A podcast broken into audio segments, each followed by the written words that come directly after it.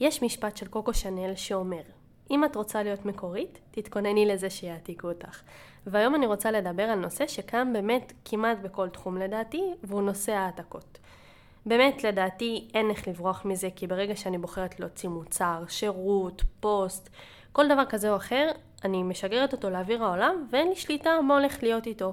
יש אנשים שיכולים לקנות, לאהוב, לשמוח מזה, ויש אנשים שיכולים לקחת את זה ולהעתיק את זה, או לעשות משהו דומה לזה, וזה...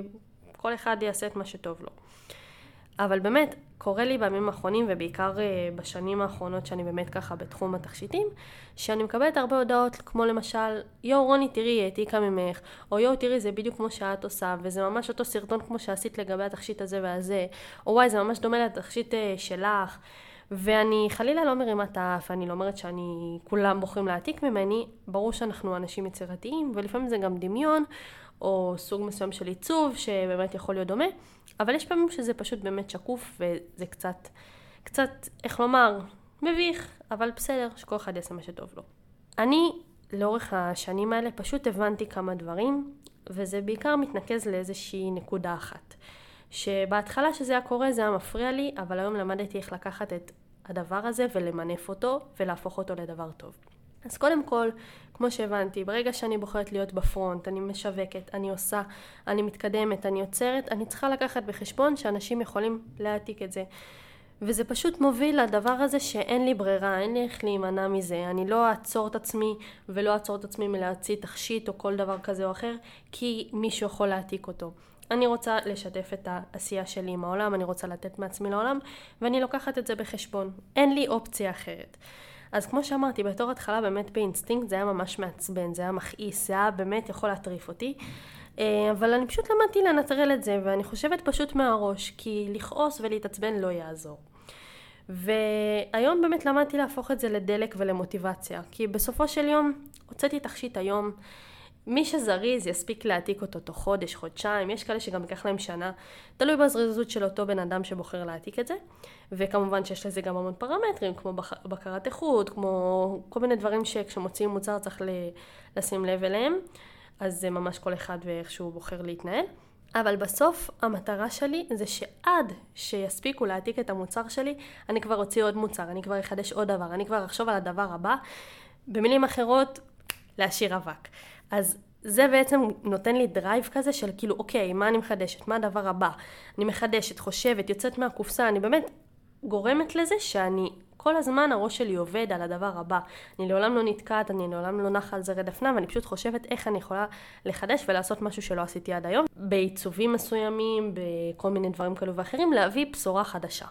דבר נוסף, זה בעצם שאת רוב התכשיטים שלי אני מייצרת בצורה בלעדית. מה זה אומר? יש הרבה מאוד מאוד חלקי תכשיטים שלי, שבעצם אני מעצבת אותם בעצמי בתלת מימד, ולכן זה לא מוצר מדף שקיים באיזה חנות כמו איזה טיליון פשוט שכל אחת יכולה ללכת ולקנות ולשלב בתכשיטים שלה, אלא זה משהו שאני הצבתי בעצמי, קובץ שקיים רק על המחשב שלי, ופשוט יהיה הרבה יותר קשה להעתיק את זה. אפשר לשלוח תמונה, אפשר לנסות לפנות למישהו שיעשה משהו דומה, אבל גם העלויות של זה הן הרבה יותר יקרות, גם זה משהו אחר, זאת אומרת זה מכניס איזשהו עניין של עיצוב, של מידול, כל מיני נתונים שמקשים על התהליך, ובעיקר בעצם זה משהו שהוא אישי שלי, שזה בעצם המקור.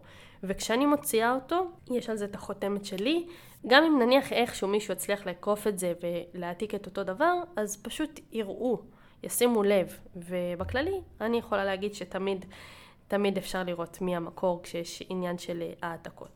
עוד דבר שהוא ממש ממש חשוב בעיניי, וכמובן שומרים אותו כל כך הרבה, אבל זה באמת נכון, זה הקטע של הבידול.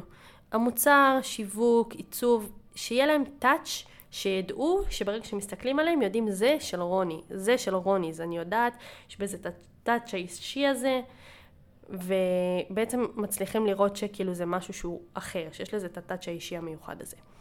כמו אריזה שלי למשל, אני יכולה להגיד לכם, כשאני ישבתי והצבתי את האריזה שלי, אני לא פשוט ראיתי מקטלוג, אמרתי אוקיי, תעשה לי בדיוק כזה עם הלוגו שלי, אלא ישבתי, לקחתי דפים, לקחתי סרגל, שרטטתי על דף בדיוק כמה סנטימטרים, גזרתי, הדבקתי, ראיתי שהנפח מתאים. על, ה, על המילימטר של העובי של הפס השחור מדדתי הכל, ציירתי את זה ממש, פיזית. זה היה לפני כמה שנים, לא ידעתי אפילו למדל דבר כזה, פשוט ציירתי את זה מ... על דף והדבקתי את זה עם סלוטייפ כדי לראות שהגודל הוא מתאים, שהכל מדויק, ורק אז שלחתי את זה לייצור, וגם את זה אני עושה במקום מאוד מאוד מיוחד, שהכל שם זה בהזמנה אישית, זה עולה לי כמובן הרבה הרבה יותר, אבל מצד שני, זה ה touch שלי באריזות. אם זה לבחור את החיבור של הידית לשקית, אם זה לבחור את העובי של הידית, את הסוג של הידית, את החומר של האריזה בכלל, איך זה ייראה, הכל, הכל, ממש עד הפרטים הקטנים. ובסוף, שורה תחתונה, בעיניי, הכי חשוב זה להתקדם, לא להסתכל מה היא עושה, לא להסתכל מה הוא עושה, אלא לחשוב, לשבת עם עצמי לבד, איך אני יכולה להביא משהו חדש, איך אני יכולה להביא בשורה חדשה, מה עוד אני יכולה לחדש שלא היה כאן לפני, או משהו שנניח קיים בעולם, אבל אפשר להכניס אותו בקצת יותר סטייל, ומשהו קצת יותר חדשני, ש... לא יודעת, אני כל הזמן מנסה לחשוב איך אני מחדשת, מה אין עדיין, מה אנשים היו רוצים לראות, ופשוט הראש שלי כל הזמן חושב ועובד, וככה פשוט זה תכונה שאי אפשר להעתיק אותה. מעבר לזה אני כמובן גם יושבת וחושבת איך אני יכולה לשפר את הקיים, איך אני יכולה לחתור ולהשתפר, להיות הכי מקצועית שיש בתחום, ובסופו של דבר, כמו שאמרתי בהתחלה, ברגע שאני בוחרת להוציא משהו החוצה, אין לי איך למנוע את זה שיעתיקו ינסו, אבל תמיד תמיד תמיד אפשר לראות ואפילו קל לשים לב של מי המקור. אז שורה התחתונה בסוף, אל תיתנו לזה לעצור אתכן, באמת יוצא לי לדבר עם כל כך הרבה חברות שלפעמים מפחדות להעלות איזשהו משהו, ומפחדות שיעתיקו אותם, ובסופו של דבר העולם הזה מלא ידע, העולם הזה מלא תוכן, וכאילו פשוט צריך לזוז מהר, להתקדם, לתת מעצמנו, ובסוף אי אפשר למנוע את זה. אז פשוט לעשות, לעשות, לעשות, להתקדם, ולהביא משהו חדש, להביא בשורה חדשה, ובעיקר לא לפחד, כי במילא ברגע שאנחנו בוחרים לעשות משהו כזה, אז אנחנו חשופות לזה. וזהו, שתפו אותי מה דעתכן, וניפגש בפרק הבא.